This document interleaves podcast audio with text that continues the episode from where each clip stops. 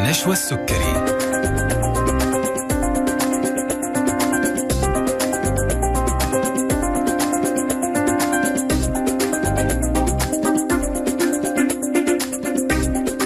بسم الله الرحمن الرحيم. السلام عليكم ورحمة الله وبركاته. حياكم الله مستمعينا وأهلا وسهلا فيكم في حلقة جديدة من طبابة على ألف ألف أف أم الموجة السعودية.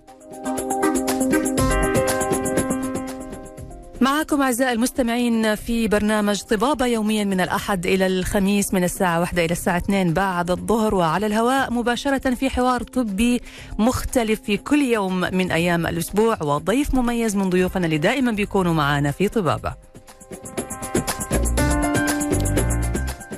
الاستماع إلينا أعزائي المستمعين ممكن يكون من خلال الراديو على جميع ترددات الإف إم الخاصة بإذاعتنا ألف ألف FM أو من خلال موقعنا على الإنترنت www.alifalifm.com أو من خلال تحميل تطبيق ألف ألف FM والإستماع إلينا مباشرة. التواصل معنا مستمعينا الكرام فممكن يكون من خلال حساباتنا على ال social media فيسبوك تويتر انستغرام تيك توك وكمان على اليوتيوب. حساباتنا متاحة لكم 24 ساعة تقدروا تتواصلوا معنا في أي وقت. وإذا حابين تتواصلوا معنا الآن أثناء الحلقة تقدروا تتصلوا على هاتف البرنامج 012 61 61 100 أو ترسلوا لنا على الواتس 055 66 89 01 اللي عنده أطفال صغار ضروري جدا أنه يتابع حلقة اليوم لأنها حلقة مهمة عن التعامل مع الحوادث والحالات الطارئة اللي ممكن يتعرض لها أطفالنا في أي لحظة. كيف ممكن ننقذ حياة الطفل؟ كيف نتصرف إذا تعرض الطفل لحادث لا قدر الله أو حالة صحية طارئة؟ من المعروف أن التوجه إلى الطوارئ هو الحل الصحيح. لكن هل جميع الحالات بتتطلب التوجه إلى الطوارئ وطلب الإسعاف؟ ما هو المطلوب عمله في الحالات الطارئة قبل الوصول إلى قسم الطوارئ وطلب المساعدة الطبية؟ ما هي أبرز الأخطاء الشائعة اللي بنرتكب نرتكبها بدون قصد وبيكون لها خطر كبير على أطفالنا. للحديث عن موضوع حلقتنا اليوم أعزائي المستمعين يسعدنا أن يكون معنا ضيفنا الدكتور خالد ظافر العساف الشهري استشاري طب طوارئ الأطفال بمستشفى العزيزية للأطفال والدكتور خالد مدرب معتمد من الهيئة السعودية للتخصصات الصحية في طب الأطفال وأيضا مدرب لجمعية القلب السعودية والأمريكية للإنعاش المتقدم للأطفال. دكتور خالد حياك الله وأهلا وسهلا فيك. الله يحفظكم. وأنا سعيد جدا بالتشرف بهذه الإذاعة الراقية القيمة. ألف ألف. كذلك أتشرف بوجودي معكم دكتورة نشفى ومخرجنا الكريم أستاذ أحمد وجميع الزملاء الموجودين. وتحية لجميع المستمعين وأسأل الله أنه تكون نافعة ومفيدة للجميع بإذن الله. إن شاء الله يا دكتور. بفضل الله ثم بفضل وجود حضرتك معنا اليوم.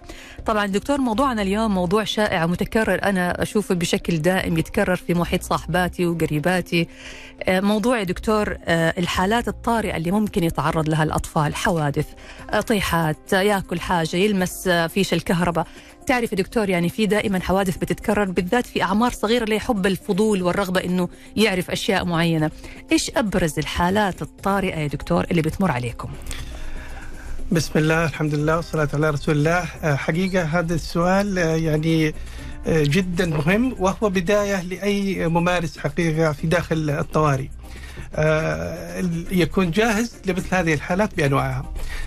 في الحقيقة أغلب الحالات اللي تمر هي الإصابات بأنواعها يصير أيضا التسمم في الاطفال بانواعه الحروق بانواعها الكسور أيضا الالتهابات التنفسية الجهاز الهضمي التشنجات والجهاز العصبي من لديهم سكر أيضا لأنهم أطفال لا يكون هناك كنترول في مثل هذه الأشياء. نعم.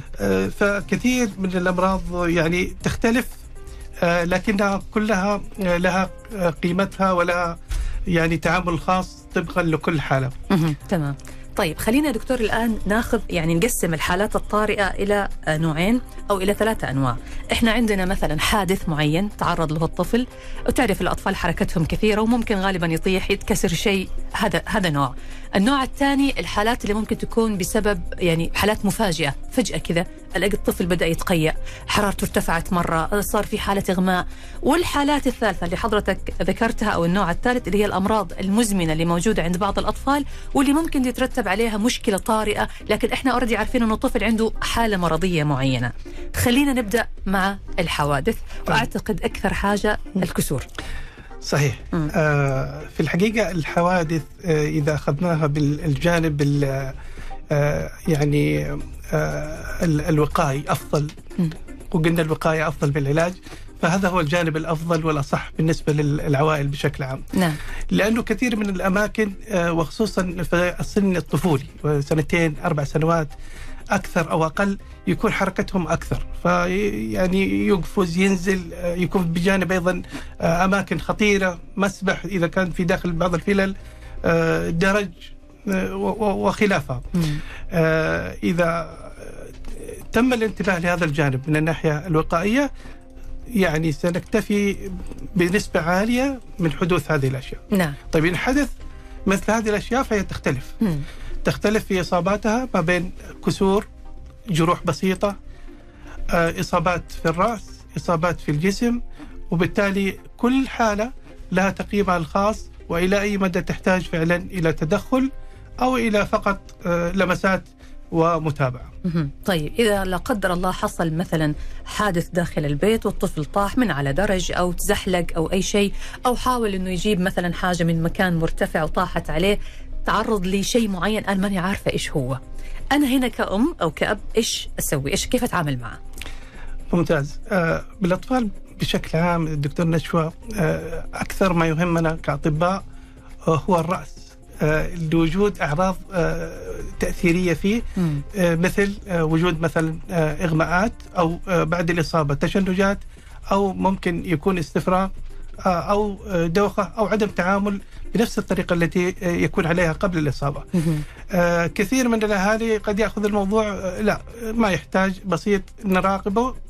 صحيح لكنه في الجانب الآخر يجب أنه زي هذه الحالات لا تقيم من قبل أطباء الطوارئ كحد أولي للقرار ما إذا كان يحتاج إلى تدخل أكبر أو لا. طيب إيش يا دكتور أكثر عرض أنا لو شفته لازم أتوجه فورا إلى الطوارئ، يعني دائما يقولوا الشخص إذا طاح سواء كان صغير أو كبير يعني في حركات كده أو أشياء معينة يسووها عشان يشوفوا مدى آه، قدرته على آه، التركيز وهل استيعابه لا زال ما كما هو ولا لا. يمكن بالنسبة للأطفال الوضع مختلف لكن في إشارات معينة تقول لك فورا توجه للطوارئ. أكثر شيء آه، يجب أنه فورا يتوجه للطوارئ آه، هي الإغماءات والتشنجات. آه والاستفراغ المتكرر. والاستفراغ المتكرر. معناه إنه في إصابة في المخ كبيرة إنه تأثر الدماغ, الدماغ. يجب أن يسمى يعمل عليها أشعة مقطعية. نتأكد إنه ما في أي نزيف داخل الدماغ. وبالتالي من خلالها يمكن تقييم ما إذا كان يحتاج أكثر أو لا. تمام، طيب في حالات الكسور الثانية مثلا طاح وشفنا إنه في شيء في اليد، شيء في الرجل. أحيانا تختلف أيضا الإصابات العادية. آه، جزء من الإصابات اللي أنا لاحظها مكررة خاصة في الأطفال الصغار وهم أقل من سنة يسحب من يده بشكل متكرر عشان يدخل مصعد أو ينزل مع درج. أيوه. فهذا ليس كسر هذا عبارة عن أربطة في نفس المرفق ارتبط على بعضه. آه، إحنا بالنسبة لنا الطبيه نسميه نيرس ميد ألبو بحيث إنه يحتاج فقط تعديل. مم. لكن هذا التعديل أيضا بالنسبة للعائلة لا يعتبر واضح. هم يحتاجون إلى طبيب صحيح. يؤكد ما إذا كان فعلا فقط آه، بسبب السحب أو بسبب الكسر. آه وجود إصابة في أي طرف من الأطراف وتأثر هذا الطرف بعدم الاستطاعه على استخدامه يحتاج إلى طبيب للتأكد من خلال الأشعة أو الإصابة في كسر لا قدر الله أو يحتاج رباط أو تكميد آه، فأغلب الإصابات هي تحتاج إلى تقييم فعلا أولي ما عدا الخفيف منها. أيوه الخفيف منها دكتور اللي ما يقلق هنا إيش بتكون أعراضه؟ الخفيف هو الذي آه، لا يؤثر على العضو بشكل عام. مم. بمعنى أصيب في يده لكنه قاعد يستخدمه ويأكل به ويمشي حركته طبيعية. حركته طبيعية. مم. أما أصيب في العضو ثم انتفخ ثم تأثر ثم ما قادر يستخدم يده يومين ثلاثة لا, لا هذه ما, ما هي ما ينسكت يعني عنها. ما ينسكت عنها ابدا. ممتاز دكتور. حلقتنا مستمرة معك دكتور خالد الشهري استشاري طب طوارئ الأطفال بمستشفى العزيزية للأطفال. هنطلع دكتور فاصل قصير ونرجع بعد ونكمل حوارنا. لازلنا نستقبل أسئلتكم ومشاركاتكم على الهاتف 012 61 65 61 100 أو رسائلكم على واتس البرنامج 055 66 89 صفرين واحد ومعنا الدكتور خالد الشهري مشكورا على استعداد طبعا للإجابة على استفساراتكم وأي استشارة حابين تسألوا عنها. فاصل وراجعين.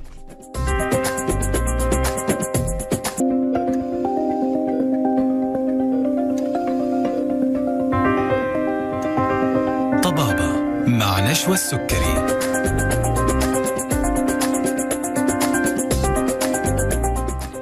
حياكم الله من جديد مستمعينا وأهلا وسهلا فيكم مرة ثانية في طبابة على ألف ألف أف أم. ومع ضيف حلقتنا الدكتور خالد الشهري استشاري طب طوارئ الأطفال بمستشفى العزيزية للأطفال. موضوعنا اليوم كيف نتصرف إذا تعرض الطفل لحادثة أو حالة صحية طارئة. لا قدر الله. طبعا إحنا في الجزء الأول من الحلقة تكلمنا عن الك- الكسور بشكل عام. طبعا المواضيع فيها معلومات تفصيلية أكثر بس بنحاول اليوم في البرنامج إنه إحنا نركز على أكثر الحالات بشكل عام. يعني كيف نتصرف؟ إيش نتع... كيف نتعامل مع الطفل؟ إيش الإجراء السريع اللي لازم على طول نطبقه مع أطفالنا علشان يعني ننقذهم ونحميهم؟ إذا لا قدر الله كان في خطر يعني معرضين له. أرحب فيك دكتور خالد مرة ثانية واهلا وسهلا فيك ونكمل معك دكتور. حوارنا. برضو من الأشياء الشائعة جدا في الحالات الطار- الطارئة هي حالات الاختناق عند الأطفال وحالات الإغماء يعني مشاكل الجهاز التنفسي بشكل عام. ممكن برضو نتكلم عنها. آه، حياك الله دكتور نشوى مرة ثانية. وحقيقة آه، فعلا آه، موضوع الاختناق عند الأطفال آه، إذا قسمناه فهو يعتمد على إلى قسمين. القسم الأول هو أقل من سنة. أحيانا يشرقوا آه، بسبب آه، وجود آه، آه، بعض الالتهابات أو بعض رجوع من آه، القي على الصدر وأحيانا يكون بسبب آه، مسكهم لبعض الأشياء والأغراض ووضعها في الفم من باب الفضول. نعم. آه، الجزء الآخر هم الأكبر سنا من خلال الأكل أو غيرها نعم. آه، في كلتا الحالتين أنا لازلت أقول يعني أن ال- الوقاية خيرا من العلاج في مثل هذه المواضيع بمعنى أنه لابد نحرص خاصة على الأشياء الصغيرة للأطفال أن تكون بعيدة. يعني وجود آه، ألعاب فيها بطاريات الدائرية الصغيرة هذه وجودها في آه، آه، البلع قبل يصير الاختراق سواء دخلت في البلع في مجرى التنفسي أو المجرى الجهاز الهضمي يعتبر خطر وقد تخترق هذا الجهاز وتحتاج إلى منظار وإخراجها. أيضا الأجسام الصغيرة قد يخترق فيها. اذا أي حاجة موجودة نستطيع أن نبعدها عنهم آه، في حالة وجود شك بوجودها الأفضل الابتعاد عنهم. أنا شفت دكتور مرة حالة آه لطفلة صغيرة كان عندها مغص. ويعني ما يعرفوا مغص عادي فراحوا كشفوا عليها. طبعا لما تكرر الموضوع اكتشفوا إنه بالعة كمية بطاريات. نعم. يعني وطبعا أحيانا في أشياء ما توقف في الحلقة على طول تنزل تنزل. أيوه وتظل موجودة وكذا وتتراكم طبعا وبعدين مرة والثانية والثالثة وما في أحد منتبه. فالنقطة هذه اللي حضرتك ذكرتها جدا مهمة فعلا. الوقاية هي خير ولازم نبعد عنهم. آه يعني أي حاجة ممكن يكونوا يقدروا يبلعوها يعني. بالضبط. وأنا ركزت على البطاريات الصغيرة لأنها موجودة في الألعاب الصغيرة موجودة في بعض الساعات مم. وهي تخترق أيضا الجهاز الهضمي أو أي جهاز جاء وتؤدي إلى نزيف وإلى لا قدر الله وفاه لذلك هي الأشياء الأساسية. نعم. اذا لو حدث اختناق فقد اختناق داخل الجهاز التنفسي ونحتاج إنه نتعاون مع الحالة بحيث نتعامل مع الحالة بحيث إنه نخرج هذا ال- ال- الجسم بطريقة أو أخرى. طبعا في الانعاش الأطفال آه، الصغار ال- الأساسي. آه، أقل من سنة هو لابد من الخبط على الظهر إلى خمسة خبطات بحيث أنه تساعده لإخراج هذا ال- ال- العضو أو الجسم آه، بقدر الإمكان خارج الفم وإذا لم يخرجه ترجع تضغط على الصدر إلى خمسة أيضا ضغطات بحيث إنك تساعده آه، بشكل متكرر إلى أن يخرج هذا الجسم. خصوصا لو واصل آه، ما هو قادر يتنفس شوية بدأ إزرقاق في الوجه مم. شوية بدأ لا يستطيع إنه آه، يأخذ نفس بدأ شوية في الإغماء. هذه كلها خطوات لابد عملها بشكل متكرر ومستمر. واستدعاء م- إسعافات آه، في مثل هذه الحالات الضغط بيكون يا دكتور فين بالضبط هذا بالنسبة لأقل من سنة أقل من سنة أما أيوة. بالنسبة للأطفال ما هم أكثر من سنة أيوة. إلى آه، ما يقارب واكبر حتى أيوة. الأدلت إلى السن الكبير مم. فهذه عندنا ما يسمى بالابدومال ثرست اللي هي آه، تأتي من الخلف. وبقبضه اليد؟ أيوة. بالضبط مم. من ثم تحاول أن تضغط على رأس المعدة مم. لزيادة الضغط فيخرج من البلعوم آه، أي عضو سواء كان يأكل سواء آه، بعض آه، يعني الأطفال يضع أي حلوى ليمون مم. أكل معين فلا بد انه يعمل إلى أن تخرج هذا العضو ضغطة أو الثانية يعني عدة ضغطات ورا بعض عدة ضغطات إلى أن يخرج هذا العضو كاملا مم. في حالات قبل يعني حتى الواحد يستعجل في هذا الموضوع هو نفسه قد يستطيع مم. أن يكح يحاول إنه يخرج العضو بنفسه قبل إنه تسوي الموضوع هذا. تمام. طيب ممتاز. طيب هذا بالنسبة لحالات ال- الاختناق أي. أو حالات الإغماء. بالنسبة للإغماء إحنا ممكن أحيانا فجأة نلاقي الطفل طاح منا ما نعرف إيش فيه. ممتاز. آه، طبعا حالات الإغماء أيضا لها أسباب كثيرة ومختلفة. مم.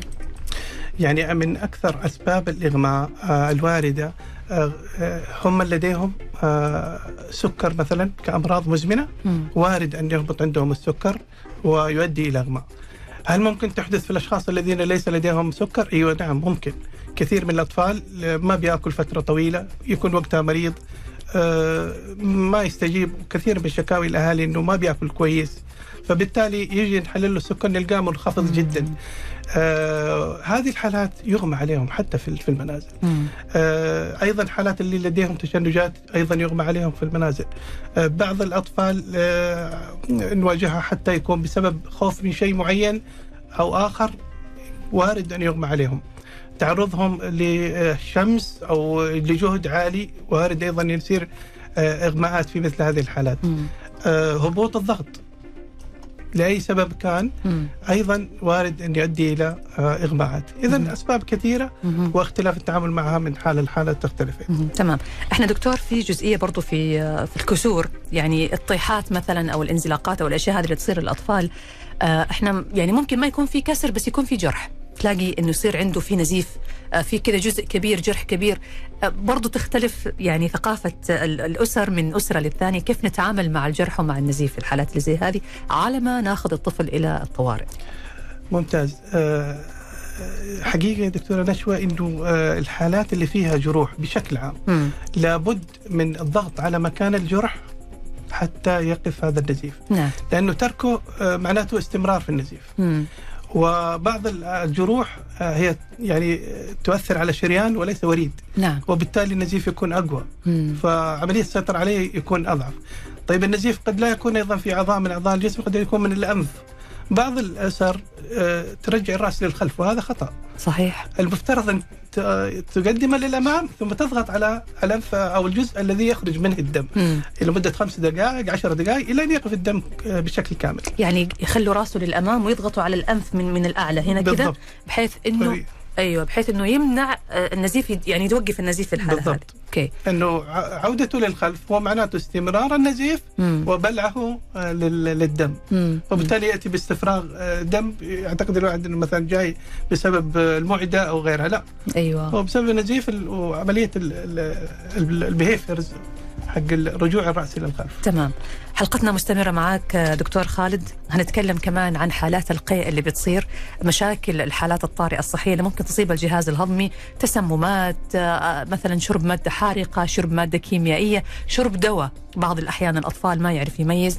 هنعرف الإجابة من حضرتك على هذا السؤال بعد ما نرجع من الفاصل. معنا الدكتور خالد الشهري استشاري طب طوارئ الأطفال بمستشفى العزيزية للأطفال. لازلنا نستقبل أسئلتكم على الواتس 055 66 89 صفرين واحد. خلوكم معنا فاصل وراجعين.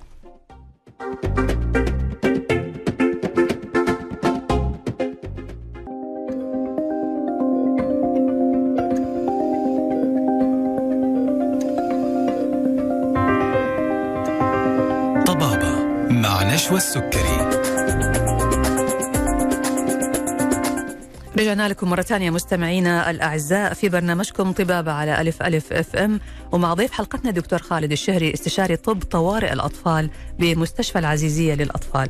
أرحب فيك دكتور خالد مرة ثانية أواصل مع حضرتك محاورنا.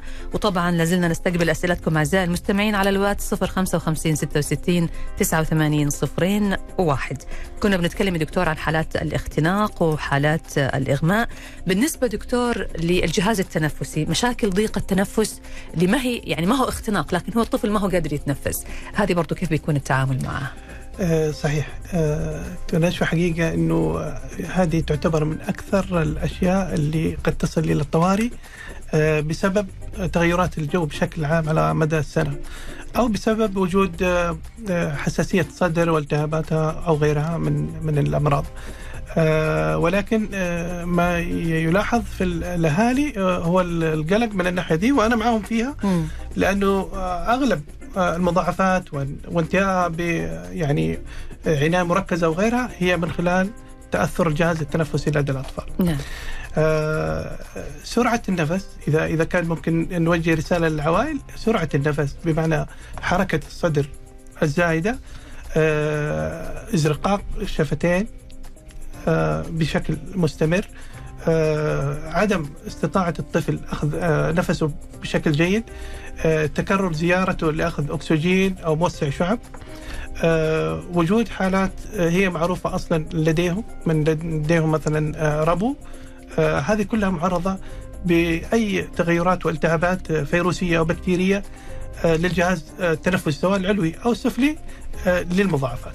نعم لكن حضرتك تنصح في الحالات اللي زي هذه اللي فيها ضيق تنفس إنه هذه ما فيها حل غير إنه يتوجه على الطوارئ صحيح. مباشرة ما صحيح. في إسعاف ما في شيء أقدر أسويه أنا غير إني على قد ما أقدر بأسرع وقت اخذه للطوارئ آه، حقيقة آه، تعتمد أيضا على الحالات من من حالة إلى أخرى مم. يعني كثير من الحالات مثلا الأطفال الصغار يكون السبب وجود آه، بعض نسميه السكريشنز والبلغم البسيط إفرازات. يحتاج إفرازات أيوه. فقط تحتاج لشفط خفيف بعض الأجهزة حتى تباع آه، بشكل آه، موضعي ويعرفوا من تتكرر لديهم هذه الحالات نعم البعض الآخر آه، هم أصلا حالات مزمنة لحالات ربو مم. حساسية صدر مم. فايضا لديهم خبره في عملية استخدام البخاخات وهذه ما يحتاج يزور الطوارئ لكل حالة من الحالات مم. مجرد ما يستعملها يجد أيضا تحسن بشكل سريع وملفت مم. تمام طيب ننتقل لجانب آخر وهو حالات القيء المفاجئة اللي ما نعرف إيش سببها وممكن تكون هذه الحالات معاها إسهال أو لا ممكن تكون حالات مصاحب لها ارتفاع في درجات الحرارة أو لا خلينا نعرف الخطير منها إيش هو حقيقة برضه هذا سؤال مرة مهم لأنه مم. كثير من الحالات تجي باستفراغ مم.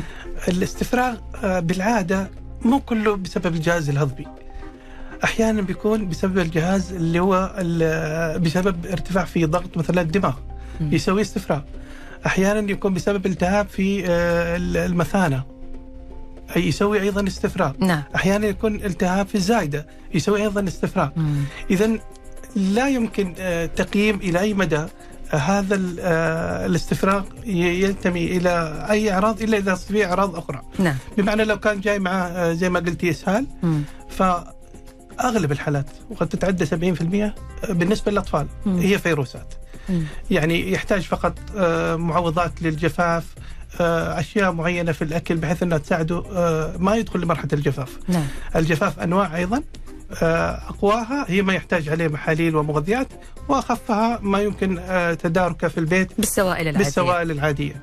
تمام.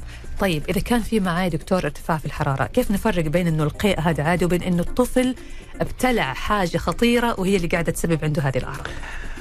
برضو هذا سؤال جميل. آه، بالعادة الحرارة أنا دائما أقول لكثير من الأهالي لخوفهم انه الحرارة هذه قد تكون قاتلة. نعم. لكن في الحقيقة الحرارة هي عرض وليست مرض. الحرارة هي ردة فعل للجسم بوجود ميكروبات سواء فيروسية أو بكتيرية فتظهر زيها زي باقي الأعراض الأخرى. آه إلى أي مدى أستطيع أن أحدد؟ أنا أقول لك 90% من الحالات هي تكون مصاحبة مع فيروسات عادية وتختفي. لكن آه، وجود الحرارة المستمرة آه، وجود أعراض أخرى زي مثلا آه، استفراغ إسهال وجود آلام وجود إذا إذا عندنا أكثر من عرض في نفس الوقت. نعم. تأثر الطفل حركته آه، أكله كل هذه دائما تؤخذ آه، بعين الاعتبار وليس كجزء معين. تمام. بعض الأطفال يا دكتور بسبب حب الفضول أو بحبب بسبب إنه يشوف الحبوب الأدوية أحيانا تكون حبوب لونها أخضر لونها أحمر يفكرها حلاوة. فياخذ منها كميات ويبلعها وما هو داري هذه إيش؟ كيف نتعامل مع هذه الحالة؟ هذه رسالة ثانية للأهالي حقيقة. يعني لا يكاد يمكن يختفي آه، يوم أو يومين إلا يجي من هذه الحالات. والسبب متكررة. وجود كثير من الأدوات الغير آه، مهتمين فيها سواء أدوية أو منظفات أو غيرها. أي نعم والمنظفات كمان. يعني آه، إذا في خاصة الآباء آه، يستخدمون أدوية أو آه، الأجداد يستخدمون والجدات أدوية. عدم وجودها في مكان آمن. مم. آه، أو يستخدمونها ثم يخلونها جنبهم جنب السرير أو من القبيل. نعم. فتجد كثير من الأطفال يأخذها وهي يعني عندنا أحيانا نقول ون بيل كان كيل حبة حبة واحدة ممكن تقتل بتقتل مم. فلا تستهون آه، مثلا مريض قلب يأخذها طفل صغير صحيح لا صحيح. تستهون آه، أدوية ضغط يأخذها طفل صغير مم. أدوية نفسية يأخذها طفل صغير هذه الحبوب آه، فعلا قاتلة مم. فما لم يكن فيه توعية ووعي لمثل هذه الأشياء قبل حدوثها حيكون يعني فعلا آه، منتهى جدا سيء. طب لا قدر الله صار الشيء اللي أنا لسبب إني غفلت عنه لحظة انشغلت شوية وشفت الطفل شفت العلبه الأدوية مفتوحة أنا ما أعرف هو أخذ ولا ما أخذ بس هو واضح إنه ممكن يكون أخذ منها أنا كيف ألحقه عشان ما يتعرض لمشكلة طبعا إحنا دائما نقول آه، يجب أن تتوجه خلال الساعة الأولى بقدر. الإمكان أيضا آه، وزارة الصحة مشكورة على 937 الرقم الموحد على طول في الاستشارات الطبية. سبعة. أيوه أيوه. هي تعطي فرصة لعملية آه، إيش ممكن أسوي إذا هذا خطير ولا لا. مم. لأنه أيضا في جانب آخر ما في أشياء خطيرة. في أشياء يعني بلع له شوية معجون بلع له أخذ له هذه سهلة، ما يعني عليها. في أشياء يقول لك لا معلش راقبيه شوف. يقدر ياكل ما يقدر ياكل. بس لما يأخذ أدوية لا قد ما تقدر تروح للمستشفى. بأسرع ما يمكن أفضل مم. لأنه في أدوية مضادة لمثل هذه الأدوية نعم في أيضا بعض الأشياء تقلل آه، من عملية امتصاص أيوه لمثل هذه الأدوية مم. إيه، هل آه. مثلا أحاول أخليه يستفرغ يا دكتور؟ لا لا لا لا لا. هذه أيضا أنا أشكرك والله يا اثرتي هذا الموضوع كثير من الأمهات اي إيه. نعم تدخل يدها في فم الطفل عشان إيه. تطلع ال- الحبة. هذه آه، ليش إحنا نقول لا؟ لأنه آه، بالغالب آه، تشرقه يعني تطلع ال- ال- اللي في بطنه تدخله في صدره فما تزود هي الموضوع. هي ما أيوة. تحل المشكلة مم. قد تزبط مع بعض الحالات مم. لكن أنا أقول ما آه، إحنا على أساس تدخلي له اللي في ال- ما يوجد في الجهاز الهضمي على الجهاز التنفسي أنا أحتاج كمان انومه فترة أطول عشان آه، الالتهابات الصدريه مم. مم. صحيح فلا قد ما تقدري وديه الطوارئ في أدوية معينة وانتبهوا من الأدوية قبل ياخذوها، يعني بعض الأدوية مغلقة بطريقة إحكام مرتفعة في مكان جيد. آه، كذلك حتى الأدول اللي هو منتشر في الباراسيتامول منتشر بشكل عام. في كل بيت تقريبا. أكيد. خطير. خطير. ما يقول لك خطير. هذا آمن جدا والله مو آمن. مم. خطير جدا. على الأطفال وأنا طبعاً. على الأطفال طبعا. مم. لما كثير من الحالات يشرب العلبة كاملة. إيوه. شرب العلبة كاملة. هذه تأثيراتها على الكبد. وإذا تأثرت الكبد ولم يلحق كمان ببعض المضادات لها ولازم نأخذ عينات إنه ما تأثر الكبد. مم. يجب إنه الحذر على مثل هذه الأدوية بشكل دقيق وحذر. ممتاز دكتور. هنواصل لقاءنا ونواصل حوارنا مع حضرتك. نبغى نتكلم كمان عن الحروق الالتماسات الكهربائية اللي ممكن تصير الطفل يتعرض لها. هذه الأشياء وغيرها من الحوادث الشائعة اللي ممكن أي طفل يتعرض لها في البيت لا قدر الله. برضه هنعرف كيف نتعامل معها ونعرف من حضرتك إيش أكثر الأخطاء الشائعة اللي ممكن إحنا نتعرض لها أو عفوا يعني نمارسها أو نقع فيها بدون قصد ويكون لها تأثير خطير على أطفالنا. فاصل.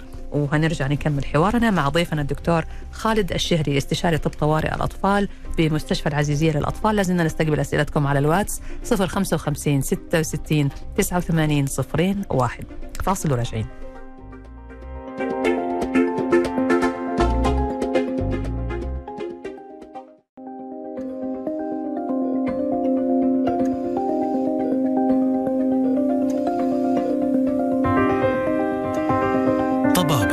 مع نشوى السكري.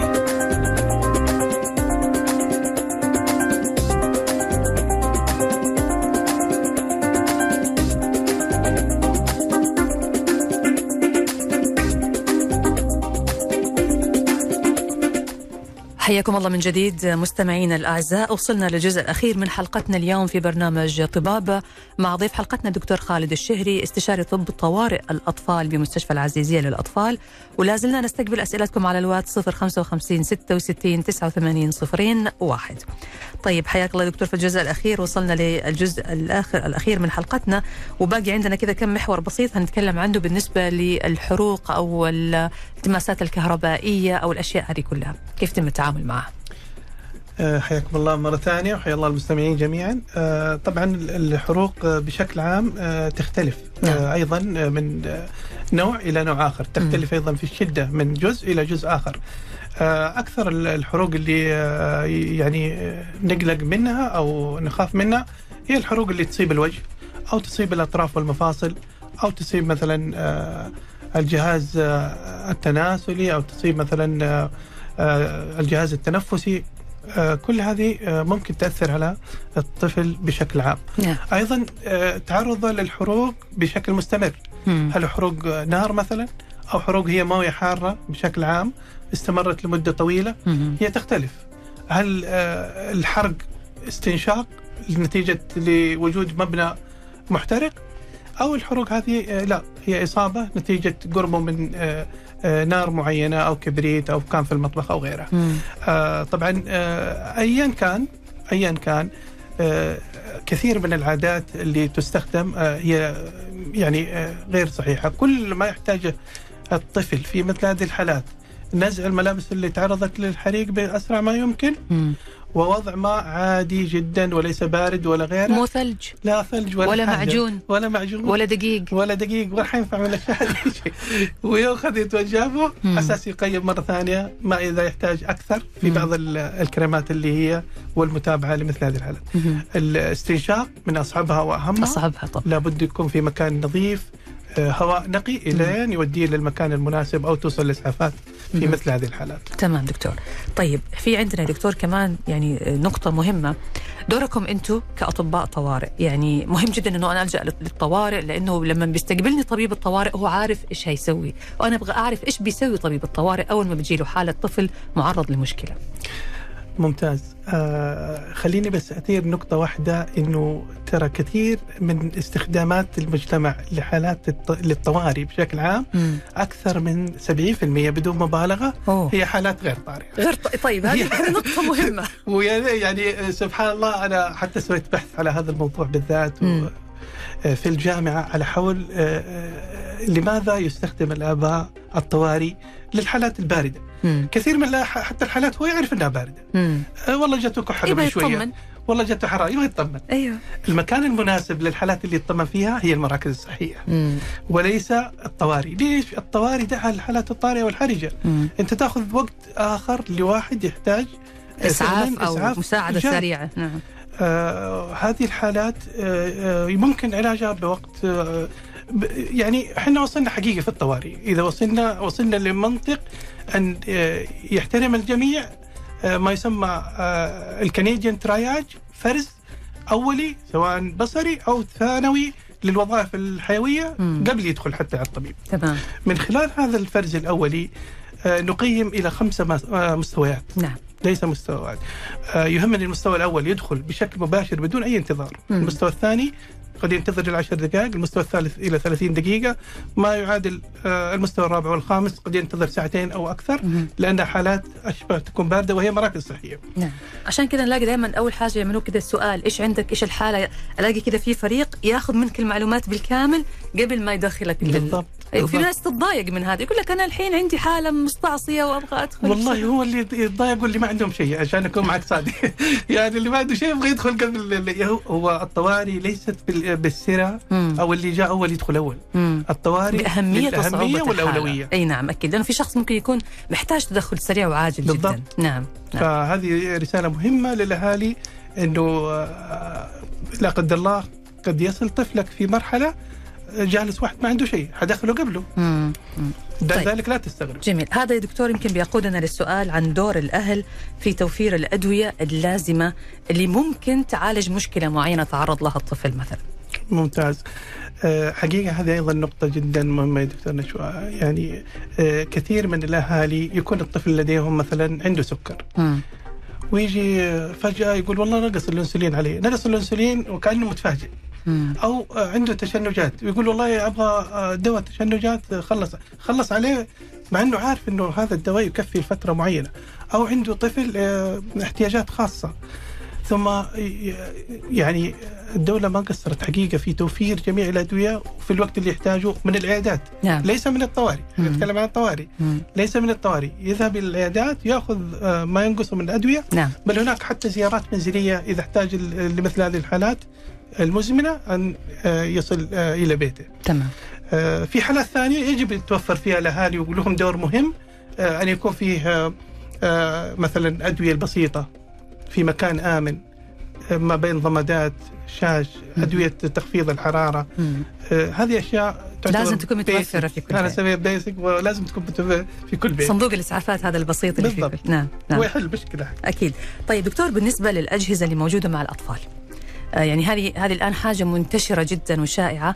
آه، يمكن وجود الأجهزة الإلكترونية بشكل دائم مع أطفالنا آه، أوجد لنا حالات طوارئ جديدة أو حالات غريبة مستحدثة علينا ما كانت موجودة عند الأطفال اللي هو جيل الطيبين. لكن في الجيل الحديث عندهم يعني مشاكل مختلفة عن عن جيلنا. فإيش الابرز ال- الأشياء؟ طيب والله أنا أشكرك على هذا السؤال. حقيقة وبلا حدود إذا صح التعبير. ليش لأنه فعلا الحالات اللي قاعدة تجي آه الآن آه يعني يعني على على الباع الطويل لنا في في الممارسة الصحية مع الأطفال بالذات آه لم تكن موجودة بهذا المنظر اللي قاعدين نشوفه مم. التأثير الأجهزة الإدماني إذا صح التعبير ما بين تلفاز ما بين PlayStation ما بين جوالات هو لا يأثر فقط على ال- الجسم والله ما اتحرك لا لا لا, لا. مم. أنا أشوف التأثير الفعلي والله على على الفكر وعلى التصرف. وعلى السلوك وعلى آه، حتى يعني لن آه، تتخيلي أن يأتي أطفال يعانون من حالات نفسية. نعم. ومنهم أنا لازلت أذكر طفل آه، يعني يرتجف من ال- الرعب من أول الليل إلى آخر الفجر يا ساتر. بسبب آه، مشاهدة الأفلام مرعبة. من يترك مثل هذا الطفل هذه حالة طارئة. فعلا. أيوه. يقعد يتفرج والله يعني كيف تترك يتفرج في أفلام مرعبة في هذا السن؟ بدون ما تقنن أو تحدد إيش يشوف وإيش ما يشوف. بالضبط. مم. فهذه الأشياء آه، وغيرها يعني كثير. بتجيكم الآن حالات كذا على تجي الطوارئ؟ حالات تجي إيه. حالات. يعني لا لا نتكلم والله من فراغ. نعم. أيضا من من يشتكي من ظهره من رقبته كلها بسبب الجلسة الغلط. مم. يده بسبب ال PlayStation واستخدامه الغير اطفال منطقي. صغار يعني بدري على صغار. هذه ال- الأعراض اللي بيحسوا بدري فيها جدا. مم. وأنا أقول يعني إذا كانت هذه أعراض جسدية فتاكد ما يصيب الفكر أكثر أكبر بكثير. وأخطر. نعم أنا بشكرك جزيل الشكر الدكتور خالد آه، الشهري. يمكن الدكتور كان لسه باقي عندنا محاور ما طرحناها كلها لكن إن شاء الله تكون حضرتك معنا في حلقة ثانية.